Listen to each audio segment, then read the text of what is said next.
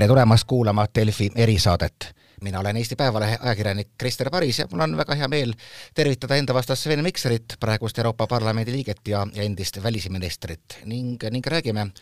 Afganistanist, kus sündiv on olnud kindlasti vägagi vapustav,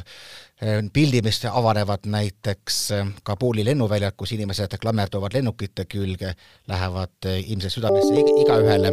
kellel süda väga kalestunud ei ole. Aga samal ajal jällegi näiteks Taliban saadab välja selliseid sõnumeid, kus ta lubab olla seekord märgatavalt mõõdukam, lubab isegi noh, šaria raames naistele mingisuguseid õigusi, ehk siis nagu Taliban sellise, sellise inimnäoga, et Sven Mikser, kuivõrd tundub see, mida Taliban lubab mingilgi määral tema ka tegeliku kavatsusena? No ma ei võtaks ühtegi Talibani, ühtegi Talibani lubadust äh, väga äh, tõsiselt. Äh, kindlasti Taliban, kui ta peaks oma võimu suutma konsolideerida,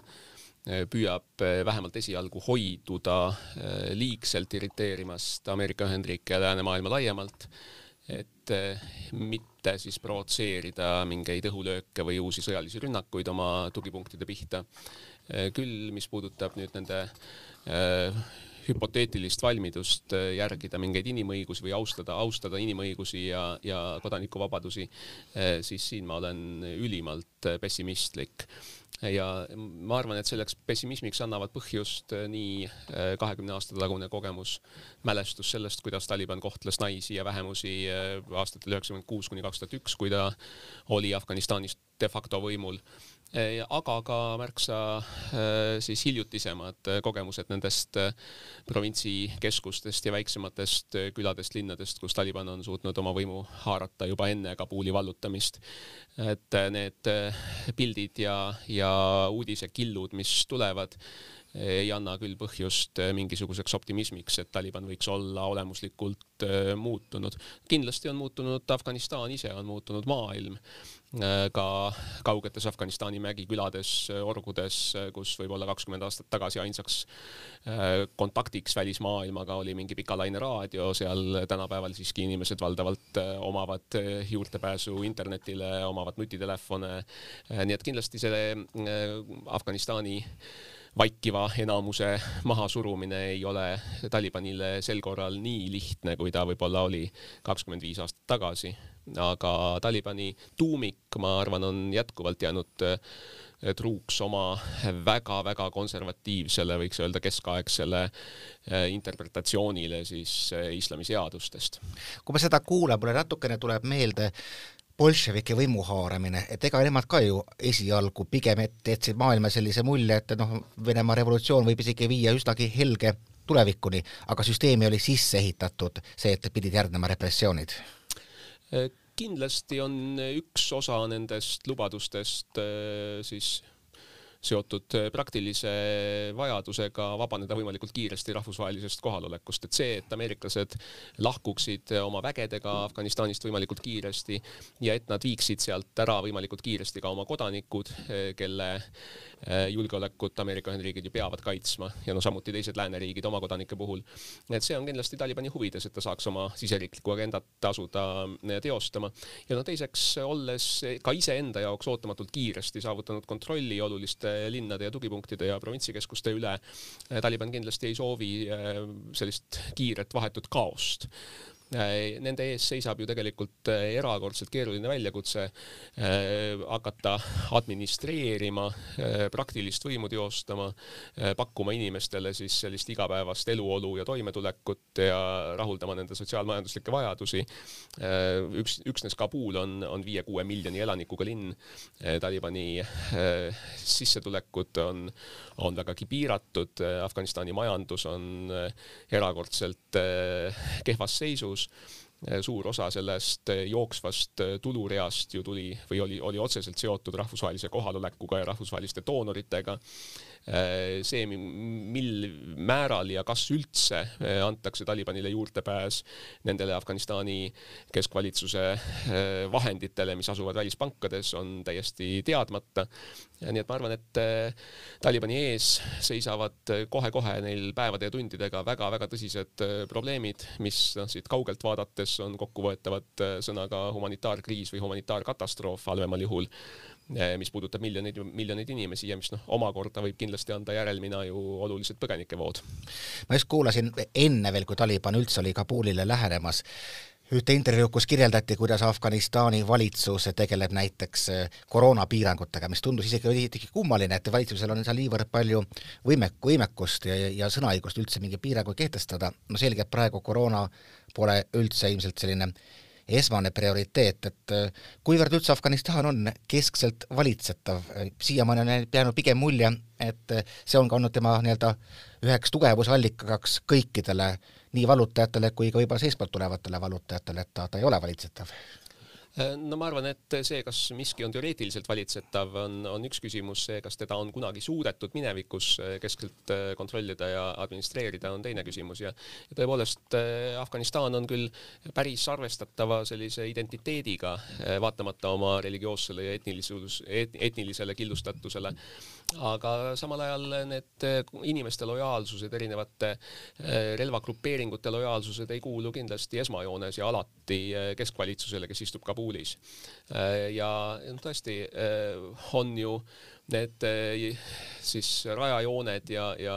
ja eraldusjooned jooksnud väga risti ja põiki läbi Afganistani, aga, aga kindlasti ka selline kohalik identiteet ja lojaalsus oma kohalikule hõimujuhile või sõjapealikule või, või kohalikule väärikale šuurale on tihtipeale tugevam kui eh, lojaalsus keskvõimule. aga millele tugines ikkagi selline, et noh, Talibani eh, noh, toetuspind rahva seas, et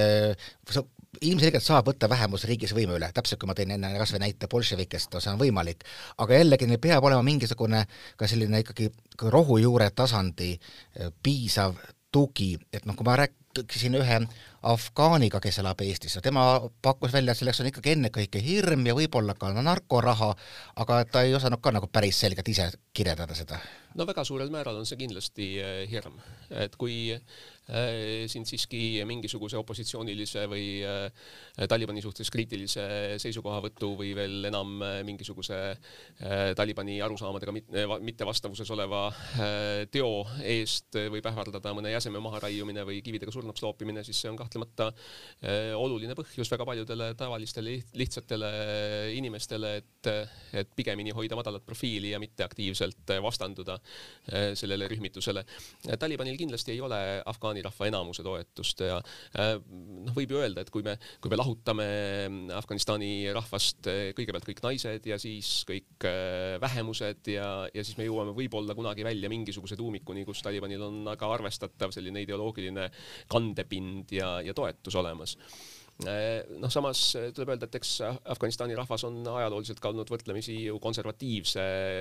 ilmavaatega, et nad ei ole ka olnud väga avatud äh, siis välistele mõjutustele oma, oma kultuuri sellise koodi muutmiseks. Aga, aga peamine faktor kindlasti on, kindlasti on hirm, teadmatus kui me mõtleme kasvõi nendele Afganistani sõjapealikele, kes on omal ajal võidelnud äh, küll äh, Nõukogude okupantide ja kommunistide vastu ja teinekord jällegi nende kõrval, siis hiljem võidel, võidelnud kodusõjas üheksakümnendatel aastatel omavahel, igaüks iseenda eest ja siis mõned neist on jälle liitunud Talibaniga või, või teinud liidu Talibaniga, pööra, pööranud mõni aeg hiljem jälle relvad Talibani vastu. et need ise, isegi need alliansid, kui me mõtleme pealikele nagu Hikmatyar, Dostum, Haqqani, need on ajas pidevalt muutuvad. Ja teatud mõttes see lojaalsus ka nende, nende eh, sõjapealike puhul kuulub eh, tihtipeale sellele, keda tajutakse lihtsalt kõige tugevama sõjalise jõuna kes on huvitav praegu siis naabritest kõige suurem sõjaline jõud? mul jäi silma, kuidas näiteks Pakistani peaminister Imran Khan kiirustas ütlema, et tegemist on nii-öelda noh, enam-vähem ajaloolise võiduga või, või siis sellise kättemaksuga, noh Pakistan on kindlasti oma, oma tugevad huvid, eriti veel puštuunide hulgas, aga samas mitmed analüütikud ka viit-, viitasid, et kui Ameerika läheb ära, siis las võtavad need teised, las võtavad Iraan, Hiina, las võtavad ise selle piirkonna turvalisuse nagu rohkem enda kätte Pakistanil on olnud ajalooline roll kindlasti Talibani tulekus, Talibani püsimises ka läbi siis viimase kahekümne aasta. samas Pakistan on Äh, noh, teatud võimutasanditel alati on teinud koostööd ka rahvusvahelise koalitsiooniga ja üritanud jätta endast muljet kui äh, aktiivselt terrorismi vastases, vastu võitlevast äh, riigist. samal ajal Pakistani eriteenistused on see kurikuulus IS, ISI ehk Inter-Services Intelligence, millel on otsene roll Talibani sünnis ja, ja Talibani sellises kest-, kestmises läbi kõigi raskuste ja kes tegelikult on ka võõrustanud erinevaid Talibani liidreid läbi aastate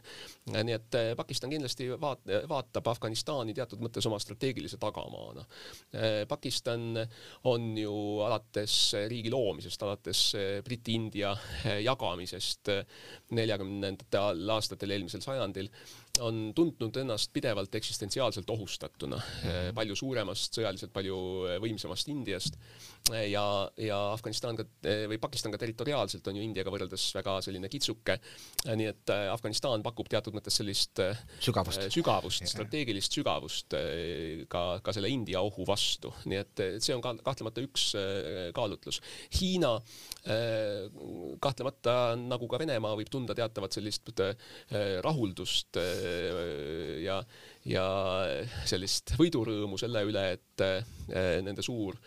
siis globaalne konkurent Ameerika Ühendriigid on pidanud taluma taolist alandust, mida me oleme näinud ekraanidel viimaste päevade jooksul. samal ajal eks eh, need praktilised negatiivsed mõjud eh, jõuavad ka Hiinani varem, kui nad jõuavad näiteks Euroopani või, või rääkimata Ameerika Ühendriikidest, nii et Hiina, Hiina kindlasti on omajagu mures. Iraan, eh, Afganistani läänenaaber, on ju šiitlik teokraatia šiiti vähemust, šiidi vähemust Afganistanis, äh, Hesaare on ajast aega kõik, peaaegu kõik Afganistani režiimid äh, rõhunud ja taga kiusanud, teatav selline usuline solidaarsus. Kindlasti iraanlastel on ka, on ka Hesari šiitidega. Ja noh, veelgi praktilisema külje pealt kindlasti kui selleks uueks alternatiivseks tuluallikaks peaks taas saama massiivne narko kaubandus Afganistanist, siis see veelgi võimendaks Iraanis juba praegu olemasolevat hiiglaslikku narkoprobleemi. Iraan vahetu naabrina tegelikult äh, Afganistanist lähtuva äh, narkokaubanduse tõttu kannatab. seal on juba miljoneid oopiumisõltlasi, kes, kes kahtlemata on, on suureks probleemiks ka Teherani valitsusele, nii et, et vahetud naabrid kindlasti peaksid tundma muret, isegi, isegi Hiina ja Venemaa, kes noh, ei ole, Venemaa ei ole küll vahetu naaber, aga, aga siiski regioonis olulist rolli mängiv riik. Äh, ja, ja riik, kellel on teatud mõttes ka kohustused Kesk-Aasia riikide suhtes, et nad peaksid ikkagi tundma eeskätt äh, muret võimaliku kaose üle. nojah, Venemaa ju näiteks on, on riik, mis kõigepealt teatas, et ta enda saatkonda küll ära ei vii. Ja teiseks on Venemaa ikkagi hoidnud kontakte Talibaniga, mis on küll ametlikult Venemaal nii-öelda terroristlike riik, liikumiste nimekirjas,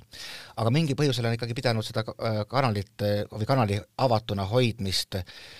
vajalikuks, et ma saan aru, et Venemaa tegelikult võib-olla peamine huvi võib-olla ongi siis see Tadžikistani ja nende riikide stabiilne hoid-, stabiilsena hoidmine. Äh, no kindlasti on ja eks Kesk-Aasia riigid, Tadžikistan, Usbekistan eriti, äh, on ju mm, nii-öelda võimaliku sellise islamismi, äh, poliitilise islami tõusu ees tundnud väga suurt muret ja on ka praktiliselt ju pidanud siin viimase paarikümne aasta jooksul rinda pistma katsetega võtta, võtta võimu. Äh, nii et, et kahtlemata see on, see on mure neile riikidele, aga see on ka mure Venemaale, sest kui äh, Venemaa nii-öelda pehmes kõhualuses äh, toimuvad väga-väga olulised muutused võimukeskuste osas, siis, siis see ei jäta kindlasti avaldamata mõju ka Venemaale, olgu läbi migratsiooni, olgu läbi narkokaubanduse või ka siis sellise islamistliku ekstremismi tõusu Venemaa enda territooriumil, kus ju samuti tegelikult pinnas selleks on, on täiesti olemas. nii et, et Venemaa kindlasti vaatab kahetiste tunnetega toimuvat, et äh, ühest küljest äh, kindlasti ameeriklaste selline häbiväärne äh, lüüasaamine ja lahkumine teeb võidurõõmu, aitab võib-olla ka afgaanide meeltest pisut kustutada seda, seda rolli, mida Nõukogude Liit mängis okupandina pea kümne aasta jooksul. Ja, ja noh, millest tegelikult on ju jäänud ka afgaani rahva hinge väga, väga sügavad haavad noh, teine küsimus on muidugi see, et Afganistanis on väga noor, noor elanikkond, et valdav osa sellest tegelikult ei, ei mäleta ju vahetult enam Nõukogude okupatsiooni. Nad ei mäleta isegi seda, mis oli elu, elu enne Talibani kukutamist kakskümmend aastat, jah. kahtlemata nad ei mäleta ka seda ja, ja, ja, ja see tegelikult võib-olla mõnevõrra annab ka vastuse küsimusele, et kas kogu see pingutus, mida läänemaailm ja koalitsioon on teinud Afganistanis, et kas see on nüüd päris asjatu. et kui siiski on eh, terve põlvkond või lausa kaks eh, kasvanud üles eh, inimesi, kes, kes on elanud siiski suhteliselt vabas riigis, vaatamata sellele, sellele pingelisele julgeolekuolukorrale, mis, mis läbivalt on ju, on ju domineerinud, kes on saanud haridust, kes on saanud osa välismaa maailma teabest ja, ja kultuurist mingil moel. et see, see ei ole päriselt, päriselt raisku lastud äh, pingutusi, ma arvan, et sellel, et tegelikult Afganistanis on üles kasvanud noor põlvkond, sealhulgas tüdrukud ja naised, kes on saanud kooliharidust, äh, oskavad lugeda-kirjutada, äh, on kontaktis välismaailmaga, see kindlasti teeb ka Talibanile selle äkiliselt kätte võidetud edu hoidmise palju-palju raskemaks.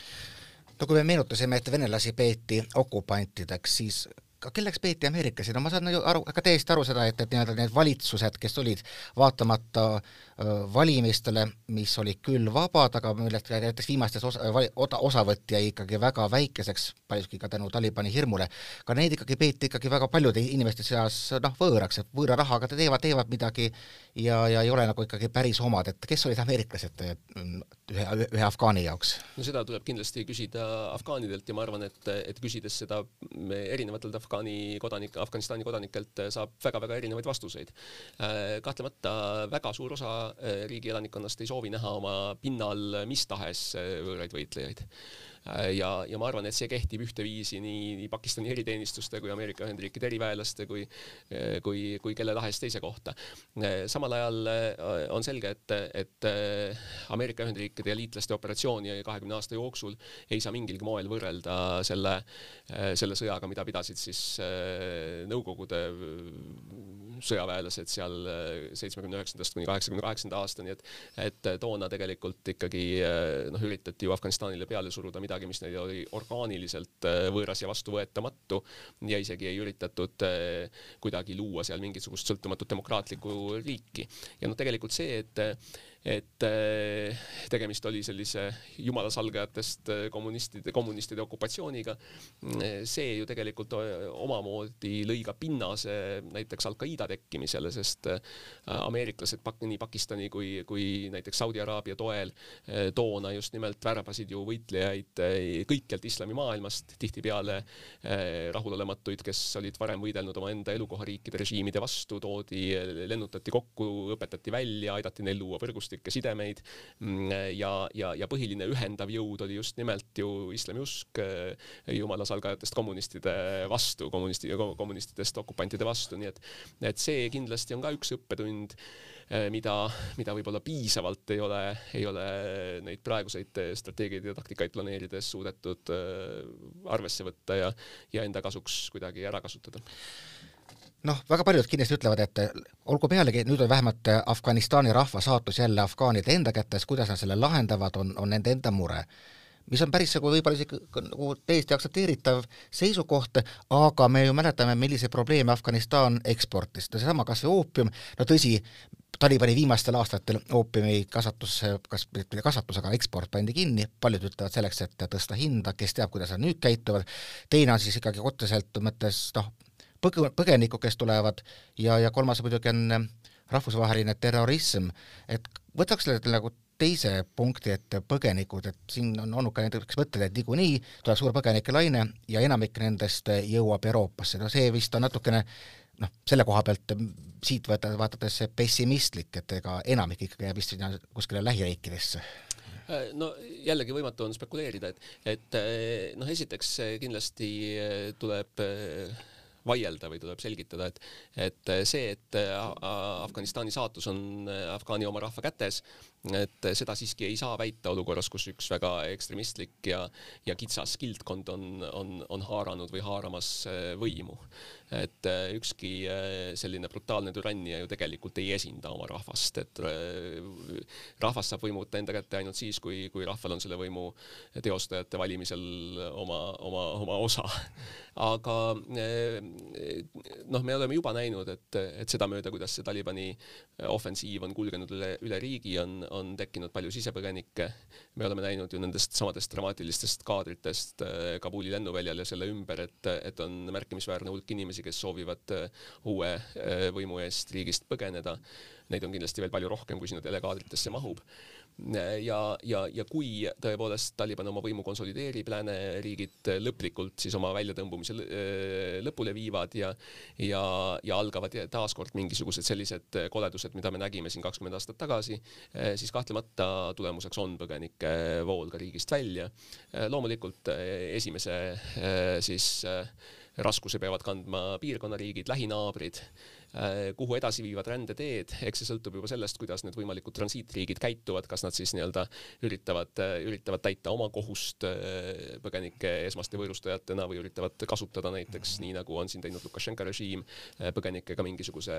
poliitilise relvana siis omaenda mingite muude hoopis Afgan Afganistani kriisiga mitte seonduvate eesmärkide realiseerimiseks. et kahtlemata seda ei saa päriselt välistada, et me oleme näinud ju erinevaid põgenike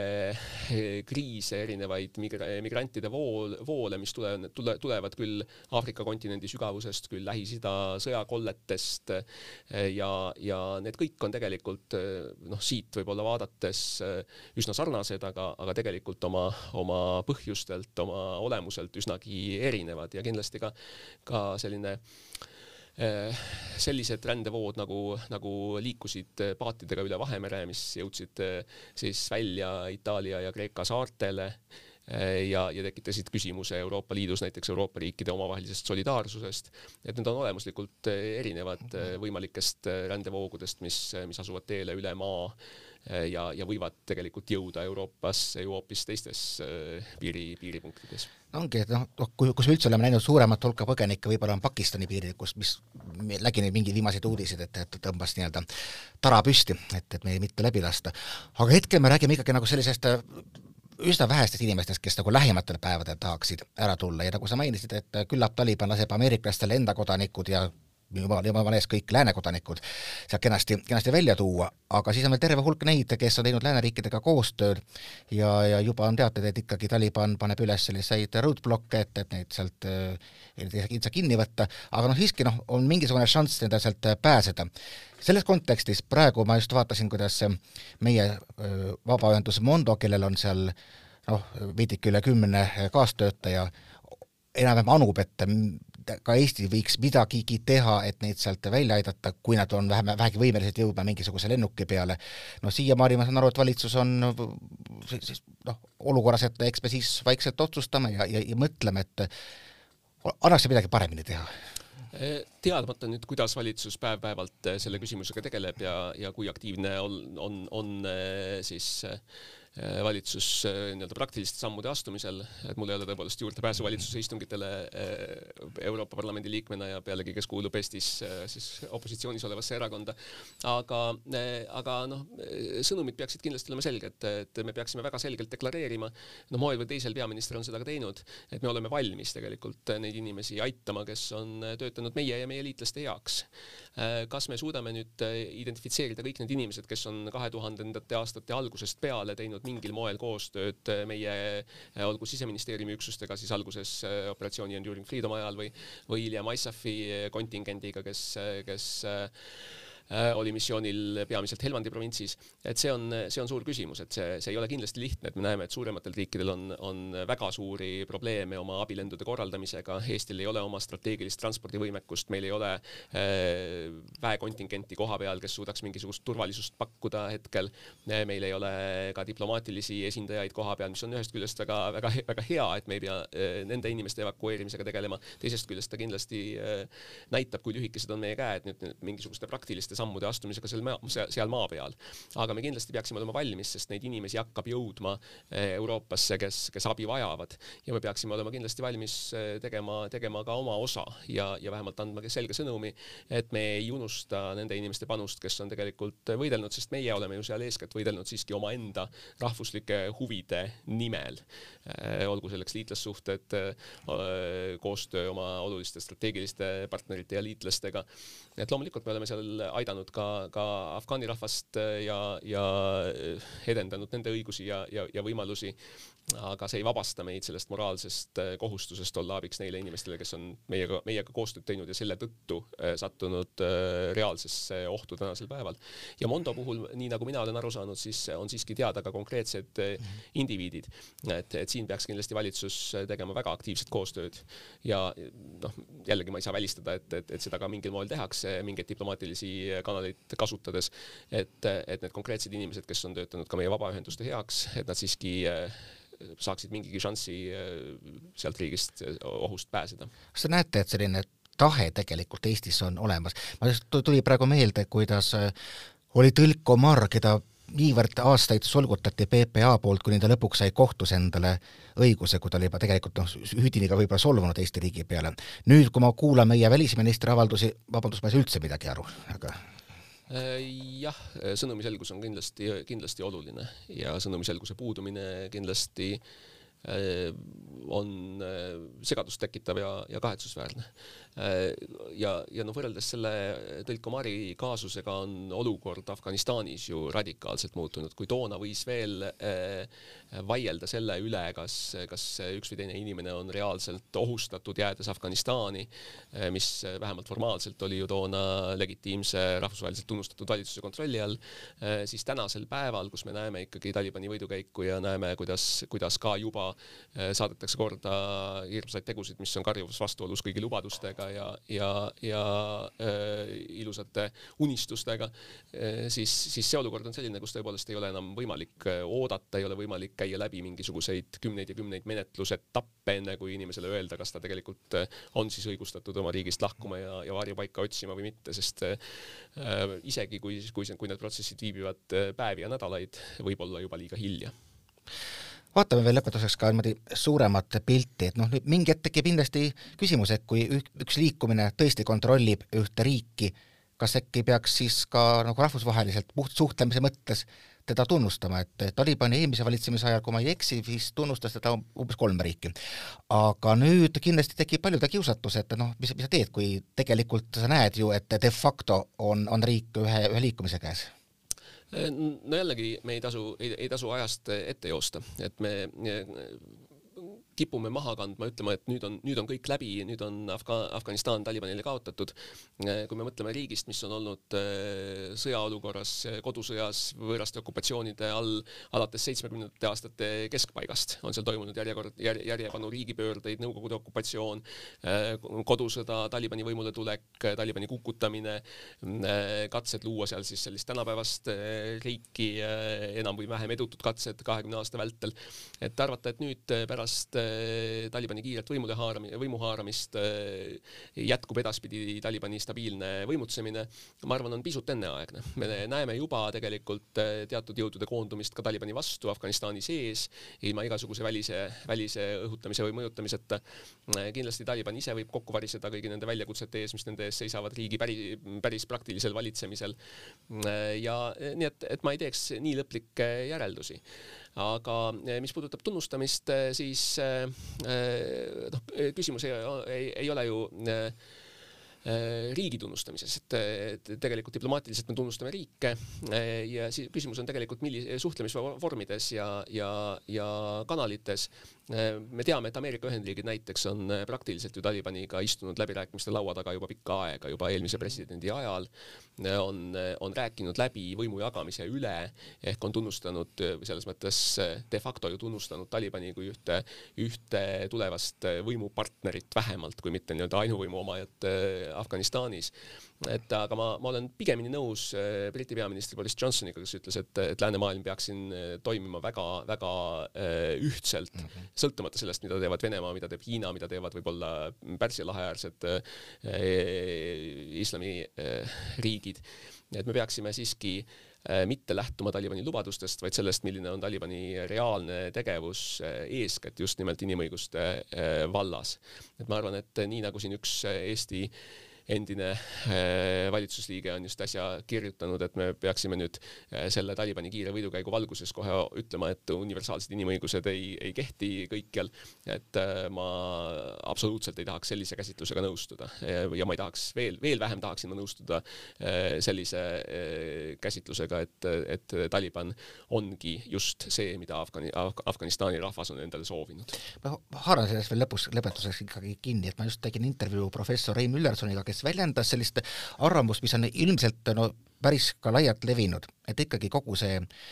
Ameerika Ühendriikide poolt algatatud demokraatia ekspordiprojekt on no, olemuslikult äh, läbi kukkunud, et see, see, see, ei saanudki kunagi üldse toimida, et kui me enne ütlesime, et et äh, Nõukogude Liit üritas luua täiesti vastuvõetamatut ühiskonda, siis noh, sama loogika, loogika järgi võib ka selline läänelik demokraatia olla praeguses ühiskonna arengufaasis täiesti vastuvõetamatu no see, et äh, maailmas eksisteerivad ühiskonnad, äh, mille, mille jaoks on naiste õigused, naiste õigus haridusele või, või tervishoiule on täiesti vastuvõetamatu. et ma arvan, et see ei saaks olla miski, mis, mis juhib meie tegutsemist äh, rahvusvahelises poliitikas. et alati neid tagantjärele tarku, kes ütlevad, et miski, mis, mis esimesel katsel ei õnnestunud, ongi algusest peale olnud läbikukkumisele määratud ja et nemad on seda kohe algusest peale aru saanud, et neid alati leidub. aga ma arvan, et läänemaailma apetiit eh, nüüd eh, korraldada selliseid riigiloome missioone, paigutada sinna väga pika aja jooksul väga suuri ressursse, et see kindlasti on, on päris tükiks ajaks eh, kadunud. aga ma meenutaks ka seda, et tegelikult ameeriklaste operatsioonil või läänemaailma NATO operatsioonil Afganistanis on olnud tegelikult ju väga selline hüplik strateegia. et kui algselt oli ju ka kindlasti võimalus Bush nooremal minna Afganistani ja teha seal seda, mida tegi tema isa esimeses lahesõjas ehk tõrjuda välja, ütleme, kui, kui Bush vanem tõrjus Iraagist, Iraagi välja Kuveidist ja seejärel jättis nõrgestatud Saddam Husseini Bagdadis võimule, siis oli ka võimalus ju eh, lüüa Afganistanist välja Al-Qaeda, nõrgestada märkimisväärselt Talibani ja seejärel jätta nii-öelda see riik iseenda hooleks. et otsustati teistmoodi ja, ja tagantjärele on võimatu öelda, kas see otsus oli õige, sest me ei tea, mis oleks juhtunud, kui. Eh, ja, ja, ja isegi selle missiooni kestel ju on neid, neid eh, missiooni statement'e on korduvalt muudetud, küll on taht-, tahetud tuua Afganistanist sellist Lähis-Ida ja laiema äh, äh, regiooni äh, demokraatia majakat, siis on jälle piirdutud väga selliste kitsaste Ameerika julgeolekuhuvide kaitsmisega ja terroriohu väljajuurimisega. nii et ka siin ei ole olnud tegelikult nende kahekümne aasta jooksul mingisugust väga suurt järjepidevust, nii et võib-olla ka sellel on oma roll, miks, miks eesmärk jäi saavutamata, võib-olla üks põhjus on see, et eesmärk oli väga täpselt defineerimata ja, ja, ja muutus pidevalt no igal juhul praegu on taoline olukord, kus tõesti me näeme, et Taliban on Kabulis, aga see on umbes ka kõik, mida me saame päris kindlalt öelda riigi tuleviku kohta. suur aitäh, Sven Mikser, Euroopa Parlamendi liige ja endine välisminister, mina olen Eesti Päevalehe ajakirjanik Krister Paris ja jälle kuulmiseni siis uurtes erisaadetes.